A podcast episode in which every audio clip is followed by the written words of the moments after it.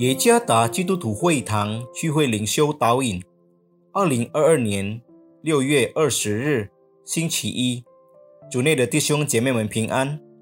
今天的灵修导引，我们要借着圣经哥罗西书三章二十一节来思想今天的主题：给予安全感。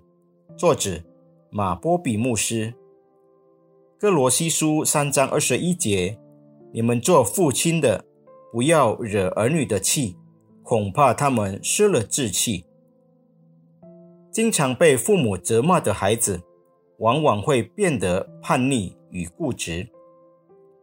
那些是会让孩子们不听从父母的意愿，这是因为他们感到不被重视。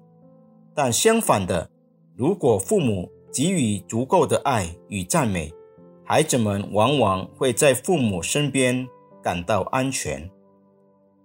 在这段经文中，使徒保罗对哥罗西的教会给予牧灵指导。哥罗西是小亚细亚的一座城市，位于以弗所城的东边。这封信的目的是培养基督徒家庭，建立家庭成员之间的关系，使他们能够和睦的生活。在二十一节，保罗劝告父亲们不要惹儿女们的气，以免他们失了志气。保罗对以弗所的教会也说过同样的话。以弗所书六章四节，父亲作为家庭的领导者，必须一视同仁的爱所有的家庭成员。如果他一定要严厉的撤止，那么就以教育的方式来做吧。而不是以暴力或仇恨。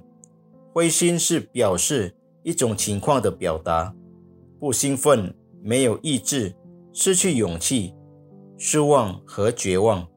如果这些情况发生，它就会成为孩子们身心成长发育的障碍。您当然不想那样，对吗？父母的职责是给予孩子们安全感。这里的安全感的意思。不仅是父亲，就像工作二十四小时照顾家人的保镖，但也以言语的形式，如不评判、给予表扬和激励。如果父亲能够做到这一点，孩子们会非常高兴。聪明的父亲知道如何给予孩子们安全感。愿上帝赐福弟兄姐妹们。